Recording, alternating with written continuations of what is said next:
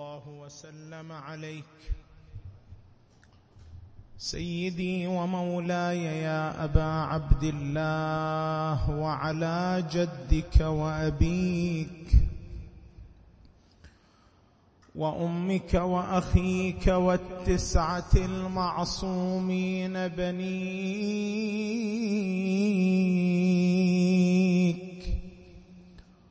والشهداء المستشهدين بين يديك. يا ليتنا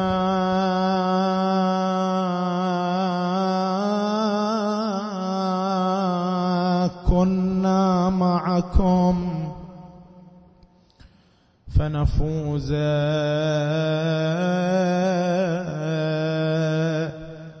والله فوزا عظيما. لا أرى للغرام أهلا سوى من نصروا السبت يوم أضحى فريدا. من هم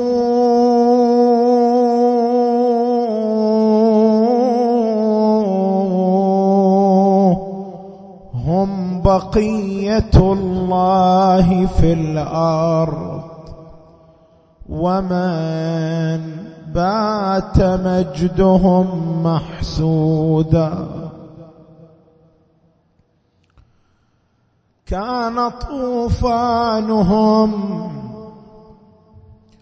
كطوفان نوح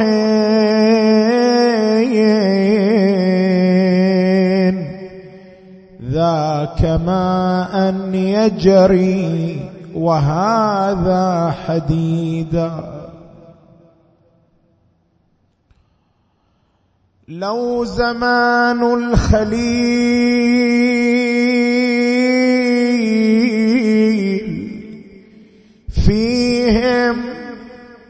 لما ارتاع لهولين ولم يخاف نمرودا وابن عمران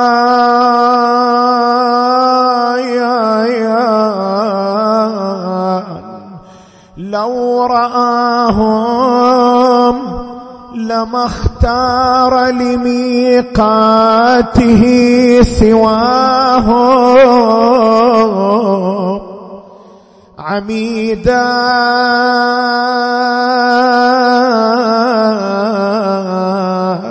ولما خر صاعقا وهو فيه. ولما خر صاعقا وهو فيهم ولخروا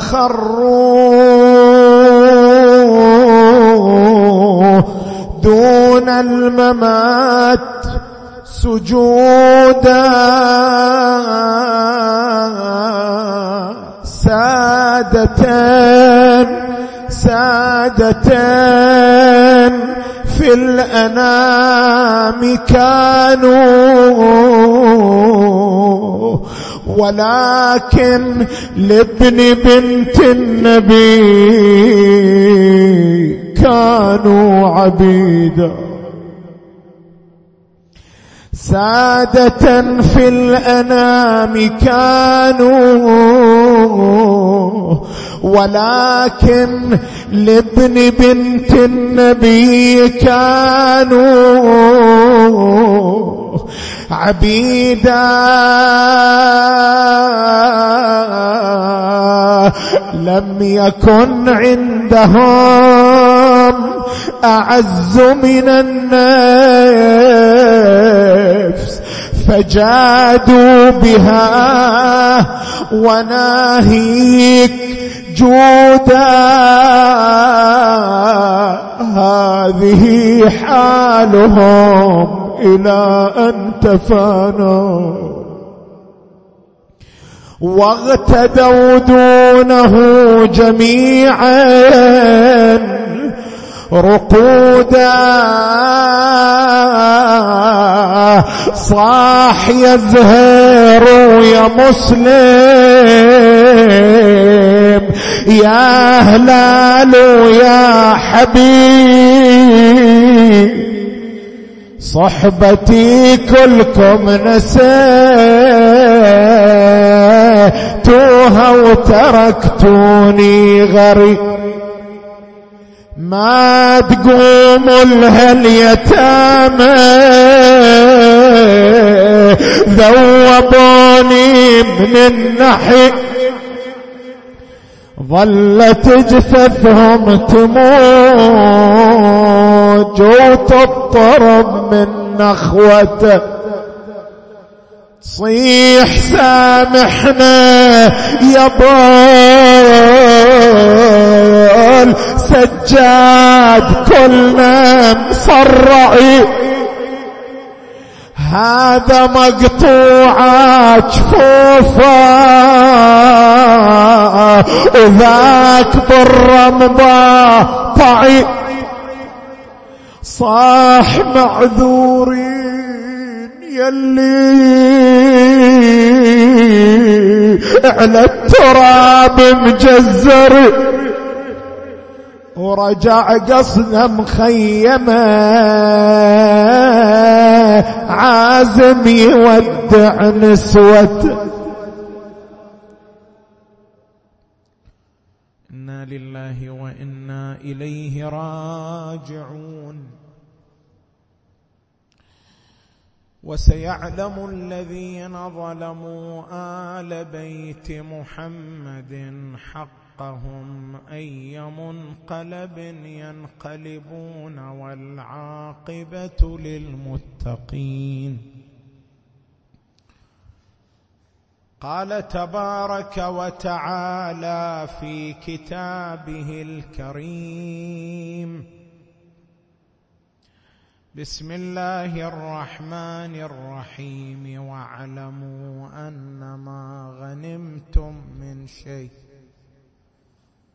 فأن لله خمس خمسه وللرسول ولذي القربى واليتامى والمساكين وابن السبيل. آمنا بالله. صدق الله العلي العظيم.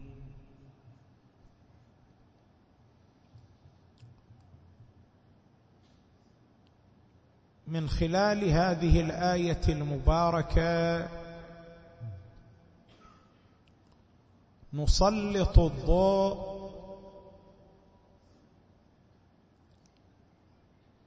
على الحقوق المالية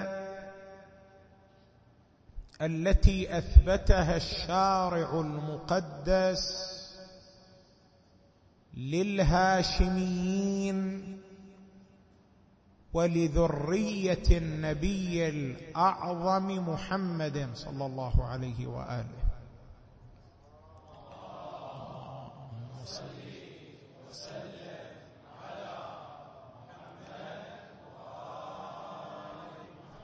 ونتناول ذلك من خلال جهات.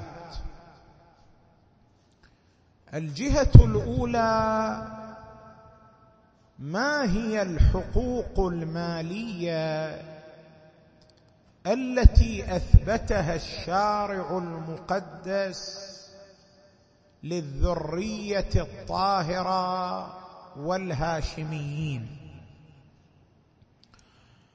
عندما نرجع إلى القرآن الكريم نلتقي في القرآن بثلاثة عناوين متقاربة. العنوان الأول عنوان الخمس والعنوان الثاني عنوان الفيء والعنوان الثالث عنوان الأنفال. فما هو الفرق بين هذه العناوين الثلاثه نجي اولا إلى عنوان الخمس. عنوان الخمس يراد به الحصه التي تعادل نسبة الخمس من الأرباح والفوائد.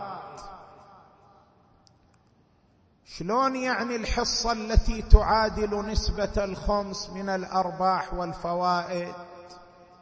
شوف أنت من ترجع إلى الآية المباركة إيش تقول؟ الآية تقول واعلموا أنما غنمتم.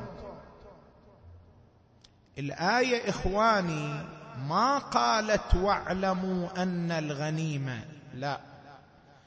الآية قالت واعلموا أنما غنمتم. شنو النكتة في ذلك؟ الآية لو قالت واعلموا أن الغنيمة لقائل أن يقول بأن المراد من الغنيمة هي غنيمة الحرب باعتبار كثرة استعمال هذا اللفظ في لسان الشارع في غنيمة الحرب فالمراد من الغنيمة التي يجب فيها الخمس هي خصوص غنيمة الحرب التي يحصل عليها المسلمون من القتال مع المشركين والكفار. لكن الآية ما قالت الغنيمة. وإنما قالت واعلموا أنما غنمتم بصيغة الفعل. غنمتم لا تقبل الحمل على غنيمة الحرب بل غنمتم بما هي فعل ظاهرة. في معناها اللغوي. واعلموا انما غنمتم يعني ربحتم وكسبتم واستفدتم.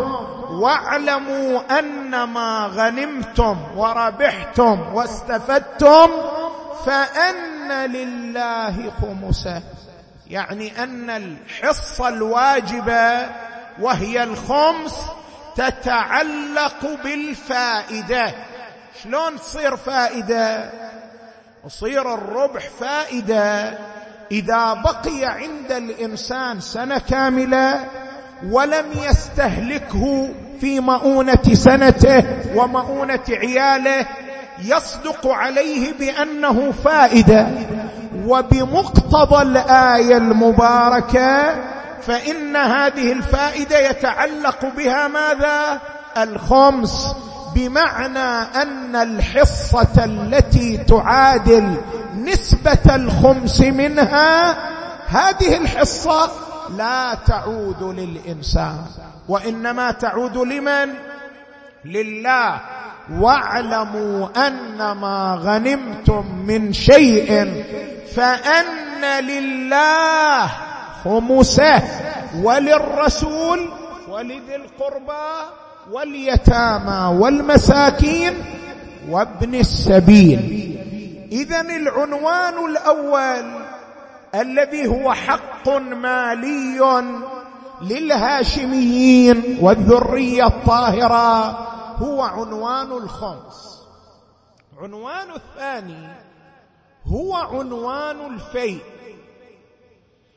الفيء أيضا حق مالي آخر. أشار إليه القرآن.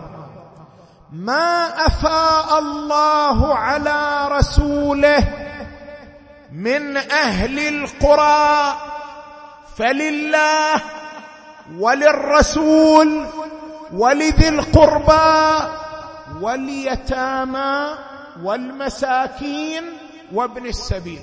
تماما الفيء حاله حال الخمس ما أفاء الله على رسوله من أهل القرى فلله وللرسول ولذي القربى. الفيء ما هو؟ الفيء هو عبارة عن الأرض التي يدخلها المسلمون من غير حرب ولا قتال. شوف القرآن شو يقول؟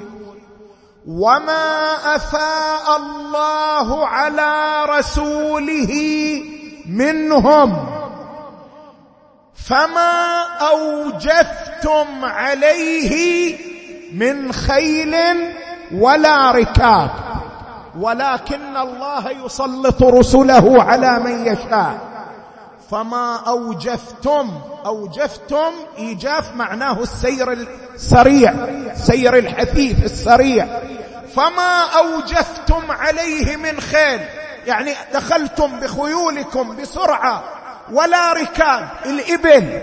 فما أوجفتم عليه من خيل ولا ركاب ولكن الله يسلط رسله على من يشاء. الله تعالى يهيئ الأمور من غير حرب تتسلطون على أراض للكفار.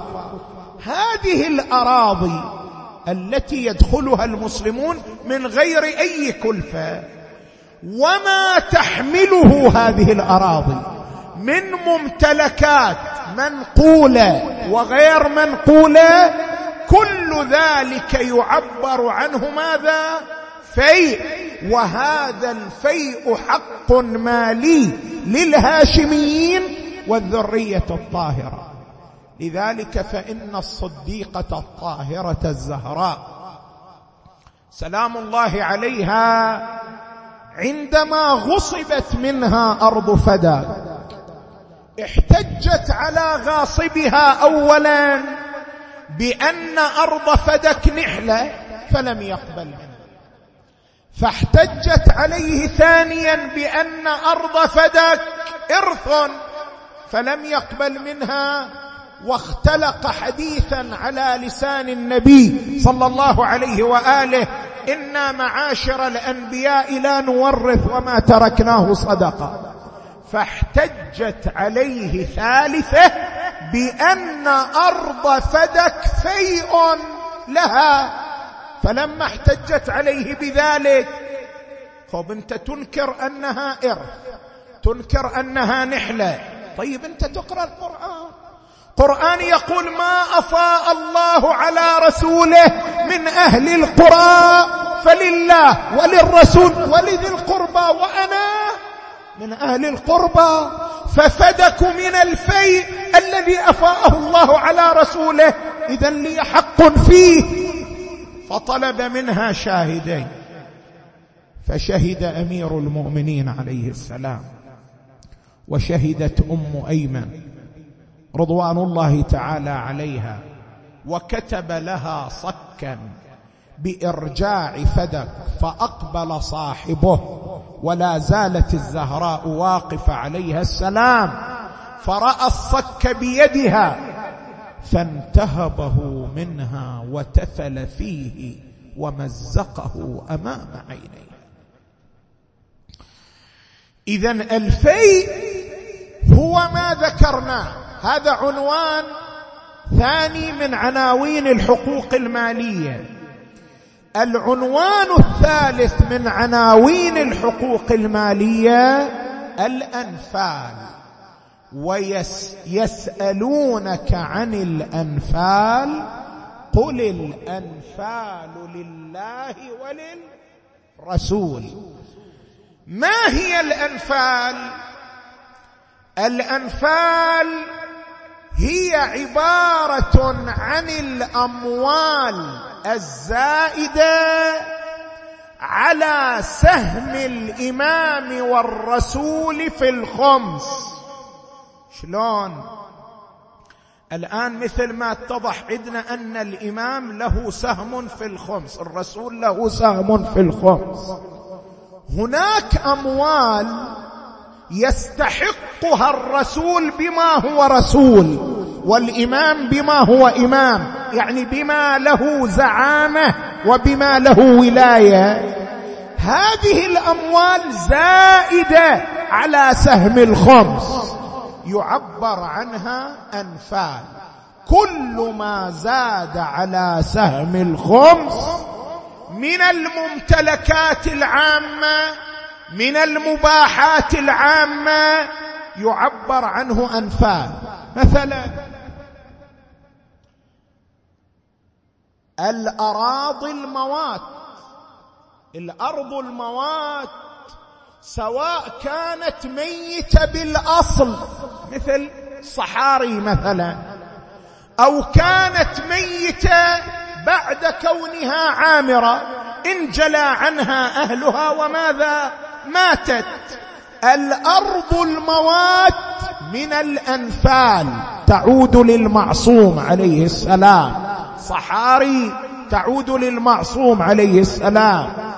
من الأنفال الأودية رؤوس الجبال سيف البحر من الأنفال ميراث من لا وارث له.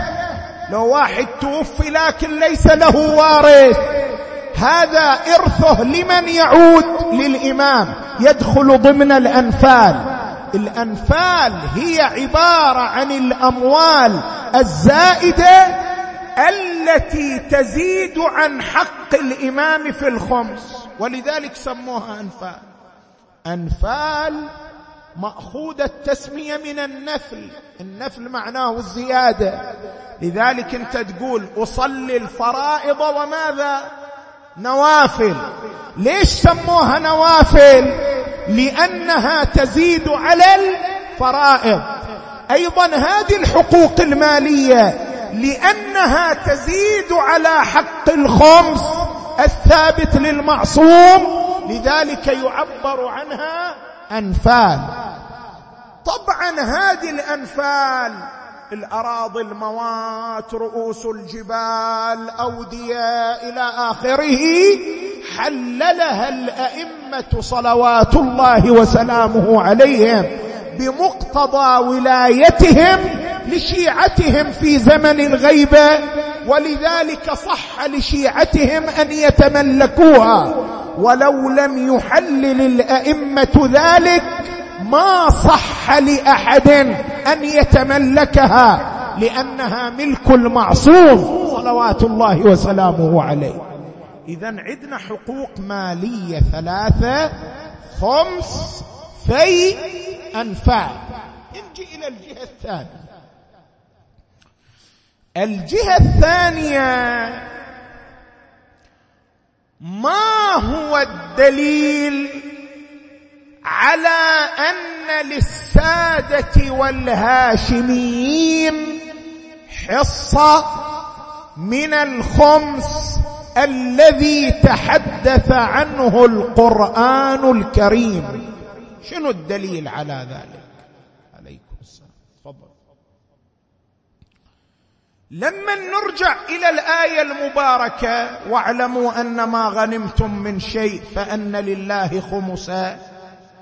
هذه الآية فيها عدة نقاط مهمة بس ما عندنا مجال نقف عندها. اولا ما هو المقصود من ذي القربى في الآية؟ هذه نقطة.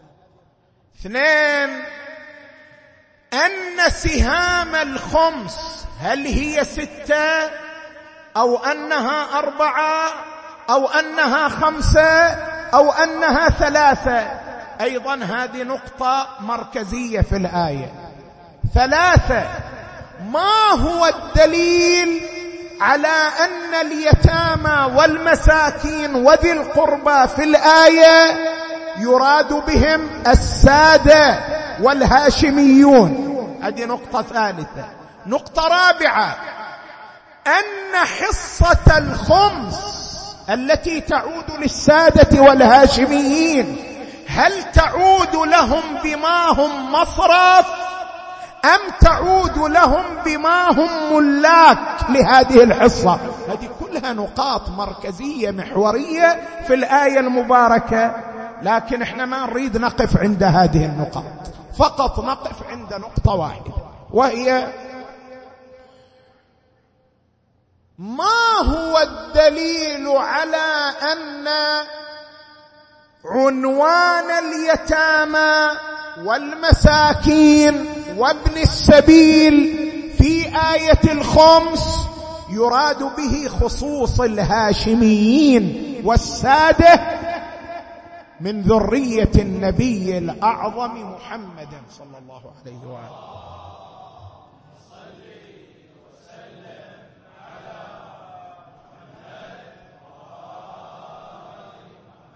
شوفوا إخواني خلينا ندقق في الآية اولا.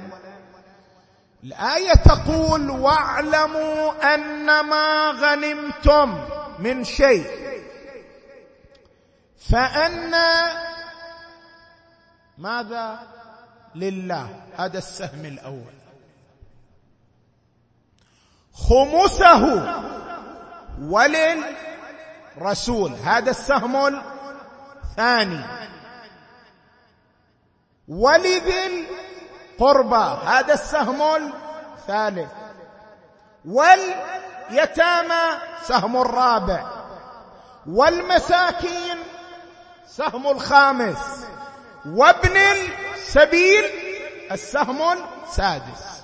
اذا الآية تقسم الأسهم إلى ستة أسهم.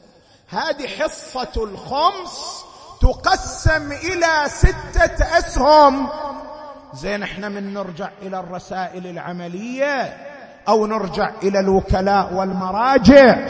رسائل عملية تقول الخمس سهمان سهم للإمام وسهم. للسادة شلون الآية تقول ستة؟ مع أن الإفتاء على أن الخمس سهمان. هذا واضح. خل اوضح إليك.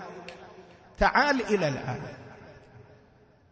واعلموا أن ما غنمتم من شيء فأن لله خمسه وللرسول ولذي القربى. ذو القربى شنو المراد من عنده؟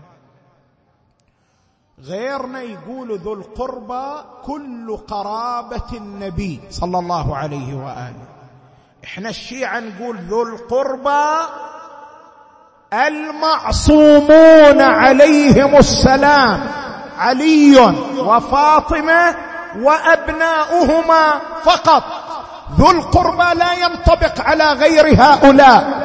اذا المراد من ذي القربى الإمام. إذا كان هكذا. نقول سهم الله لمن يعود؟ طب واضح أنه يعود لرسوله. وسهم رسوله لمن يعود. يعود لخليفته وهو من؟ وهو الإمام. اذا سهم الله سهم الرسول سهم ذي القربى كلهم يكونون سهما واحدا يعبر عنه بسهم الإمام. نجي إلى الثلاثة الاسهم الأخرى. واليتامى والمساكين وابن السبيل. هؤلاء الثلاثة كلهم يراد بهم من الهاشميون. والسادة. اذا هم سهم واحد يعبر عنه بسهم الساده فهي ستة أسهم ولكن هذه الستة أسهم ترجع إلى ماذا؟ إلى سهمين. زين الآن نجي إلى نقطتنا المهمة. ما هو الدليل على أن اليتامى والمساكين وابن السبيل في آية الخمس يراد بهم خصوص الهاشميين؟ يجي واحد يقول خب الآية ما بيها تخصيص ولا تقييد. قالت واليتامى اليتامى عامة يتامى الهاشميين ويتامى غيرهم. مساكين كذلك. ابن السبيل يعني من انقطع به الحال في السفر ولا يوجد من يعينه. هذا هو ابن السبيل. أيضا الآية لم تقيده بأن يكون هاشميا. من وين قالوا فقهاء الشيعة بأن المراد بهذه العناوين خصوص الذرية الطاهرة أو خصوص الهاشميين؟ هذا من وين اجى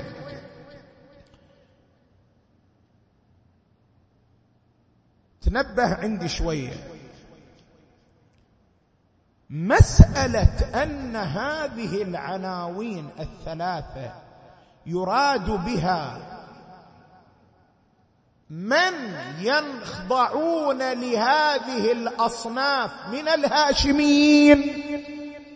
هذا محل التسالم عند علماء الطائفة وهو من جهات التمايز بيننا وبين غيرنا.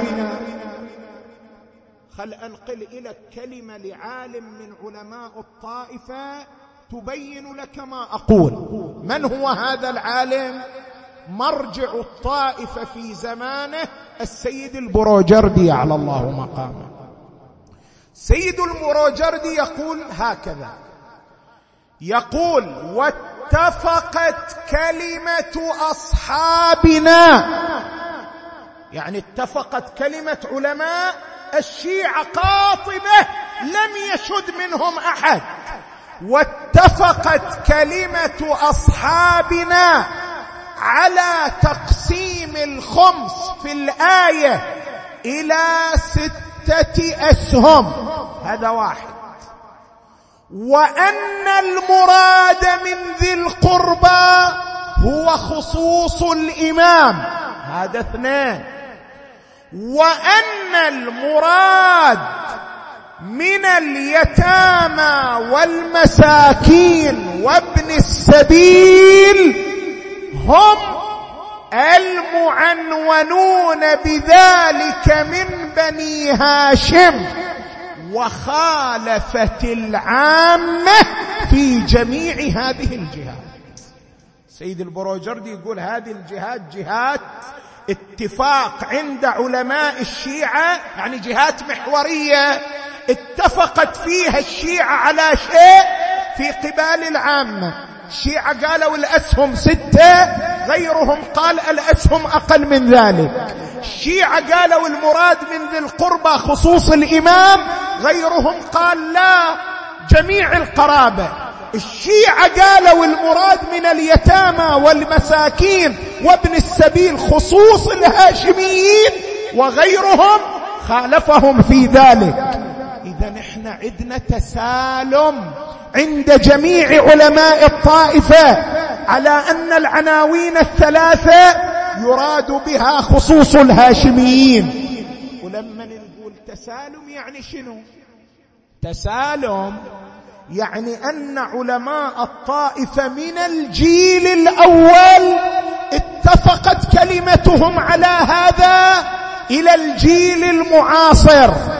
ولما جميع الأجيال تتفق على شيء من علماء الشيعة معنى ذلك أن الجيل الأول من علماء الشيعة الذي كان معاصرا للمعصومين تلقى هذا المعنى من المعصوم. لذلك اتفقت كلمتهم عليه. ثم نقلوه إلى الجيل اللاحق. والجيل اللاحق نقله إلى من بعده؟ إلى أن وصل إلينا. لذلك العلماء يقولوا التسالم دليل بنفسه دليل بنفسه مستقل. زين الآن أنا ما أريد أوقف عند التسالم وأجعل دليل. أنا أريد أشير إلى الدليل الذي استند إليه علماء الطائفة لتخصيص هذه العناوين. اولا القرآن. شلون القرآن؟ قرآن الكريم إخواني عندما نرجع إلى آية الخمس نجد أن آية الخمس فيها إشعار بأن المراد من هذه العناوين العناوين الخاصة يعني من تنتسب إلى النبي صلى الله عليه وسلم. شلون؟ بدلالة السياق. شوف انت تقرأ الآية. واعلموا أنما غنمتم من شيء.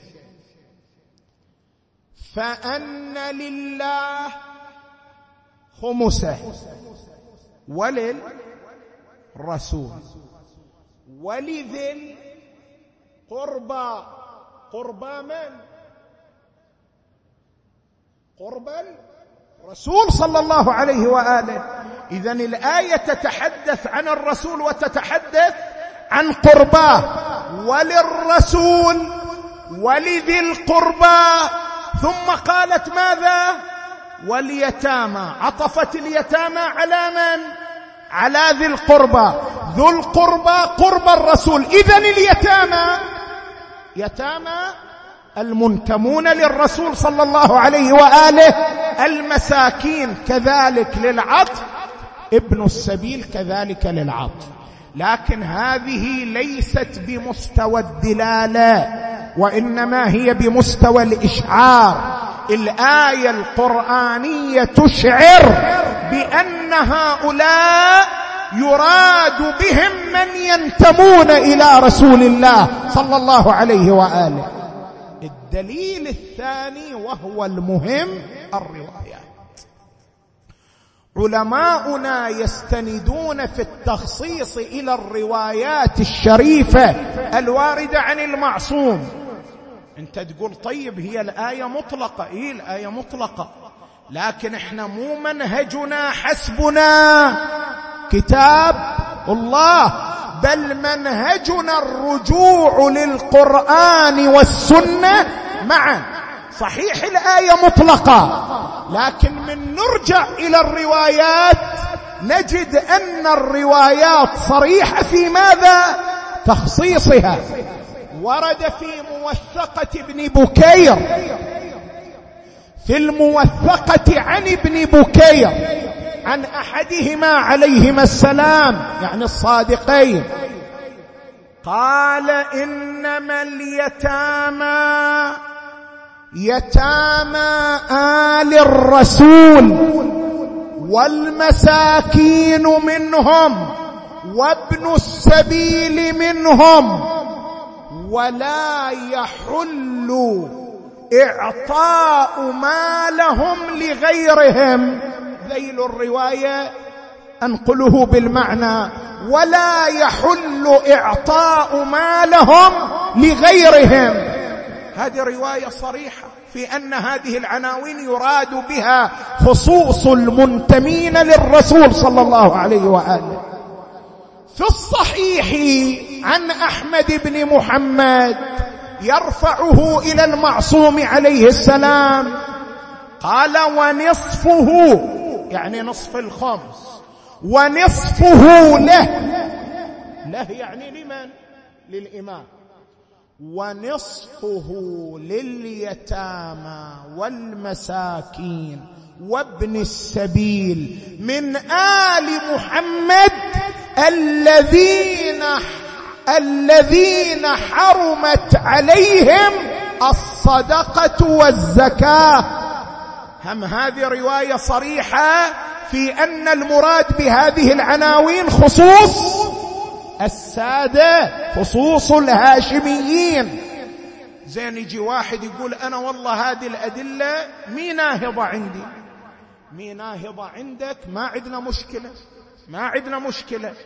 لكن هذا لا يسوغ لك أن ترمي علماء الطائفة بأنهم يفتون من جيبهم.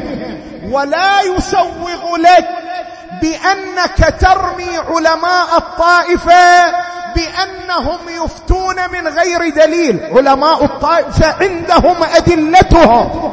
أنت تقول والله هذه الأدلة عندي ما نهضت. ما نهضت عندك أمر. إلا أن عدم نهوضها عندك لا يعني أنها لم تنهض. عند غيرك وأن علماء الطائفة قالوا بأن الخمس للسادة من غير دليل على ذلك. حاشاهم وتجل ساحتهم رضوان الله تعالى عليهم عن الإفتاء بغير علم ولا دليل. اذا هناك تسالم واحد وهو دليل برأسه. هنالك إشعار قرآني هنالك روايات صريحة واضحة في أن هذه العناوين الثلاثة في آية الخمس يراد بها خصوص الهاشميين والسادة أعزهم الله تعالى.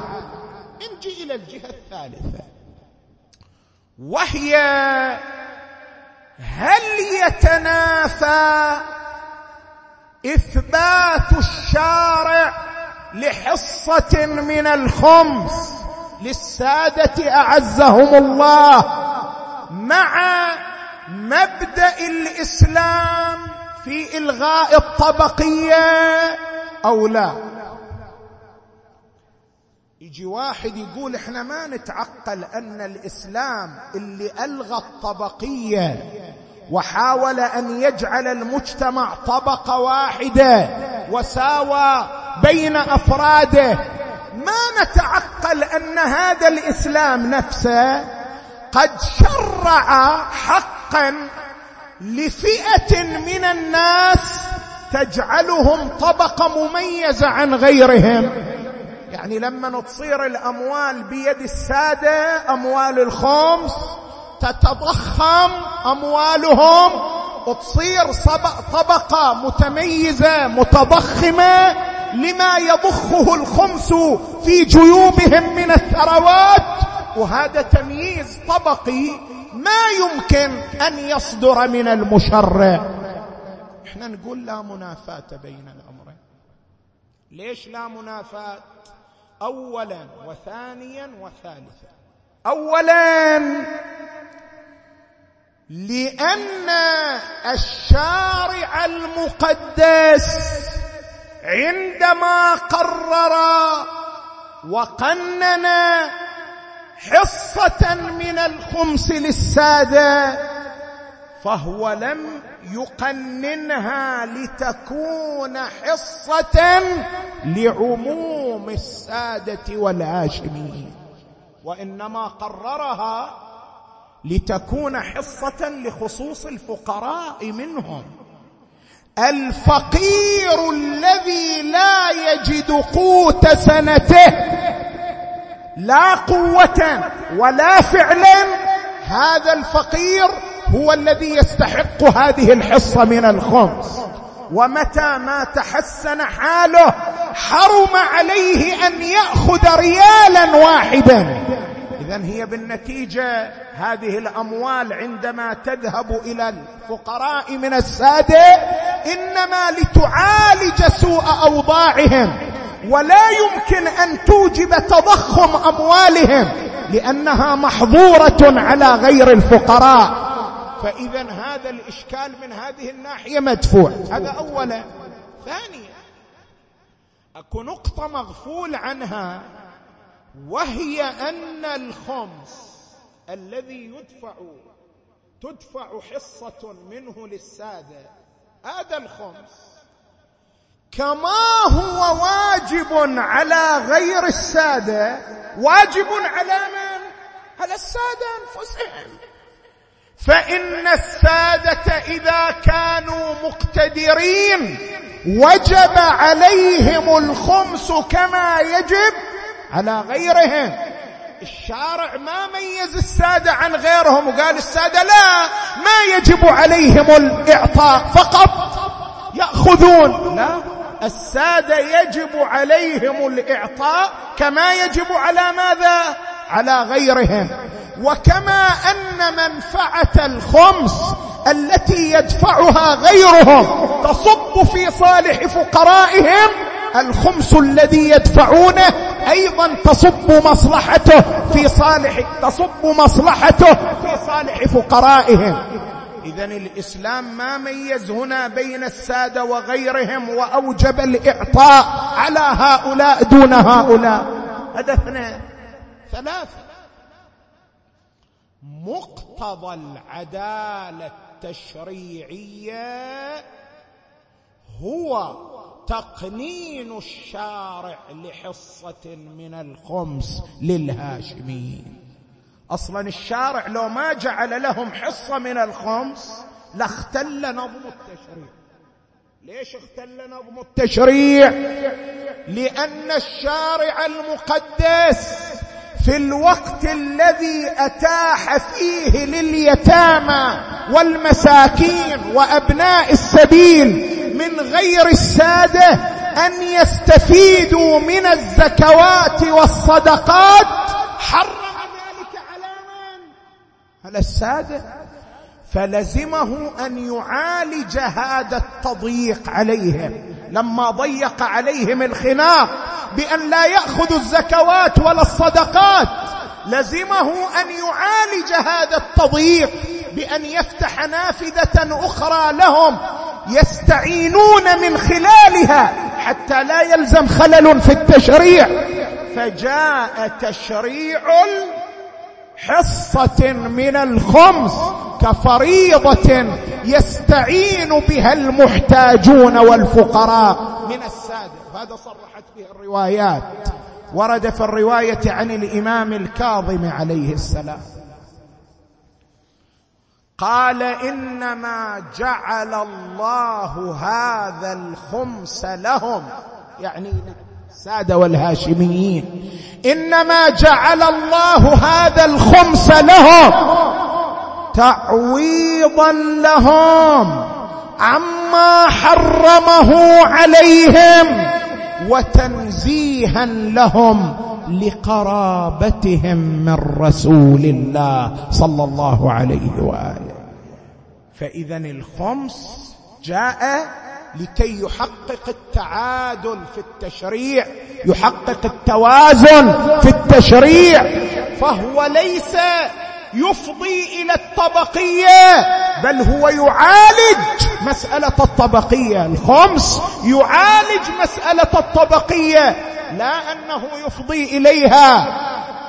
فإذا الشارع المقدس جعل حصة لهم لتعوضهم عما حرمه عليهم. يا أهل الكوفة أما تعلمون أن الصدقة علينا حرام؟ هذه متى قالتها الكلمة؟ قالت هذه الكلمة عندما أقبل ركب السبايا إلى الكوفة. وتعرف أنت الكوفة؟ الكوفة بلد نمت فيه زينب وعاشت في أكنافه زينب لكن شلون عاشت؟ عاشت مدللة. معززه ما كان أحد يستطيع النظر إلى ظلها ولا يسمع صوتها. والآن جاية بركب كل نساء كل سبايا كل أطفال. وذول الأطفال إخواني أكو بيهم أطفال عمرهم سنتين أطفال عمرهم ثلاث سنوات. اطفال عمرهم أربع سنوات. وذول الأطفال أيام ما ذاقوا طعاما ولا شرابا. تخيل تخيل انت الموقف. ما ذاقوا طعاما ولا شرابا. ودخل الراكب وخرجت نساء الكوفة وكل امرأة وياها اطفالها لكن شلون عاد أطفال نساء الكوفة كل واحد طالع بيده حلوة كل واحد طالع بيده طعام كل واحد طالع بيده شراب. تصور انت الموقف الآن. أطفال ما ذاقوا طعاما ولا شرابا لمدة أيام. وشوفوا أطفال على اليمين وعلى اليسار وكل واحد شايل طعام بإيده. دول بكل براءة مدوا أيديهم. العطش قاسي. الجوع قاسي. مدوا أيديهم صاروا أطفال الكوفة يعطونهم الحلوى والطعام. زينب تراقب الموقف بأبي وأمي وعز عليها ما رأت. من شافت أبناء الرسالة أبناء الزهراء أبناء علي وفاطمة مدوا أيديهم صارت بأبي وأمي تأخذ الطعام من أيدي الأطفال وترجعه إلى أهل الكوفة وهي تقول الصدقة علينا حرام. إحنا بنات الرسالة. دول ذرية الرسول ذرية علي والزهراء. شلون يأكلون من هذا الطعام؟ تقول الرواية ارتفعت الصيحة وصرنا نساء الكوفة يبكين. وإذا بزينب تقول يقتلنا رجالكم.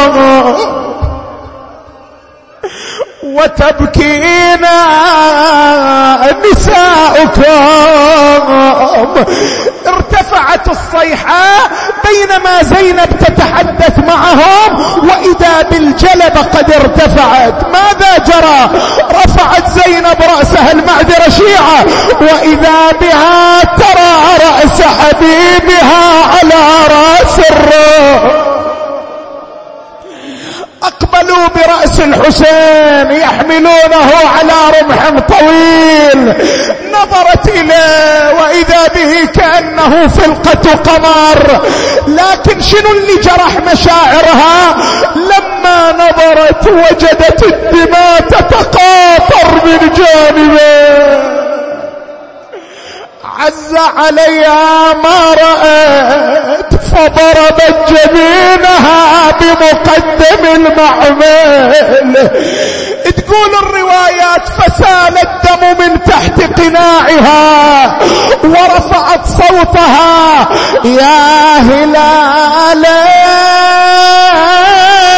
لما استتم كمالا يقول وياها يا هلالا لما استتى غاله خاسفه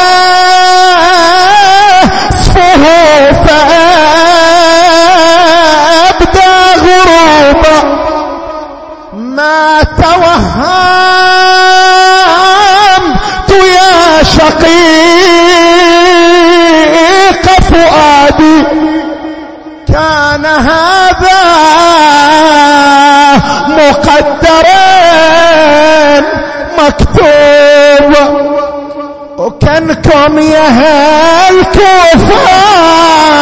هالكوفان ما تدرون بينا آل الرسول وحيدرين الكراربون تدرون بينا من عشيرة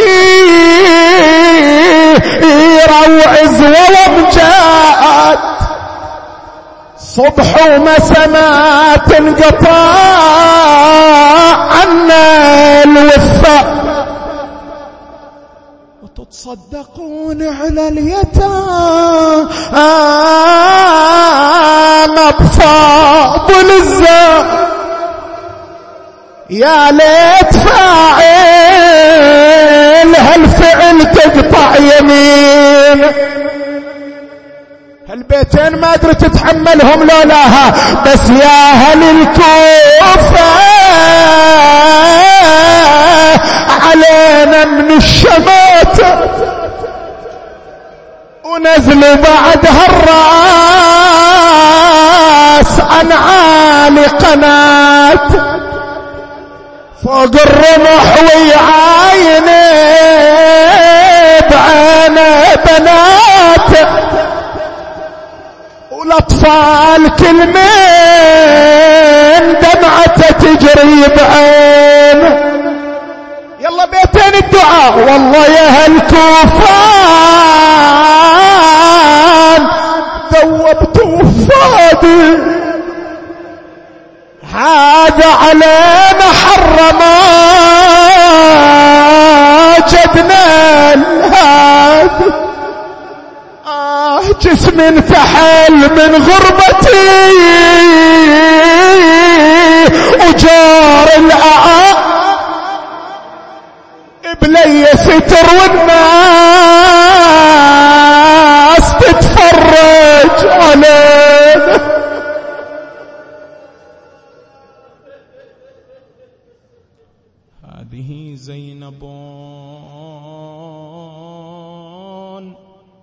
ومن قبل كانت بفنا دارها تحط الرحال. نسألك وندعوك بالحسين الوجيه وجده وأبيه وأمه وأخيه. والتسعة المعصومين بنيه فرج عنا بتعجيل فرج المولى صاحب العصر والزمان. اجعلنا من أنصاره وأعوانه والمقاتلين بين يديه والمستشهدين تحت لوائه. بحقه وبحق آبائه فرج هموم المهمومين. واقض حوائج المحتاجين واشف مرضى المؤمنات والمؤمنين وفك الأسرى والمسجونين واحفظ مراجع الدين والعلماء العاملين وجميع شيعة أمير المؤمنين ورد كيد أعدائهم إلى نحورهم. يا رب العالمين اجعلنا في هذا الشهر الشريف من عتقائك من جهنم. وطلقائك من النار وسعداء خلقك بمغفرتك ورحمتك ورضوانك يا كريم وإلى موت العلماء الأعلام والشهداء الكرام والمؤسسين والحاضرين والمؤمنين والمؤمنات نهدي للجميع ثواب الفاتحة تسبقها الصلوات.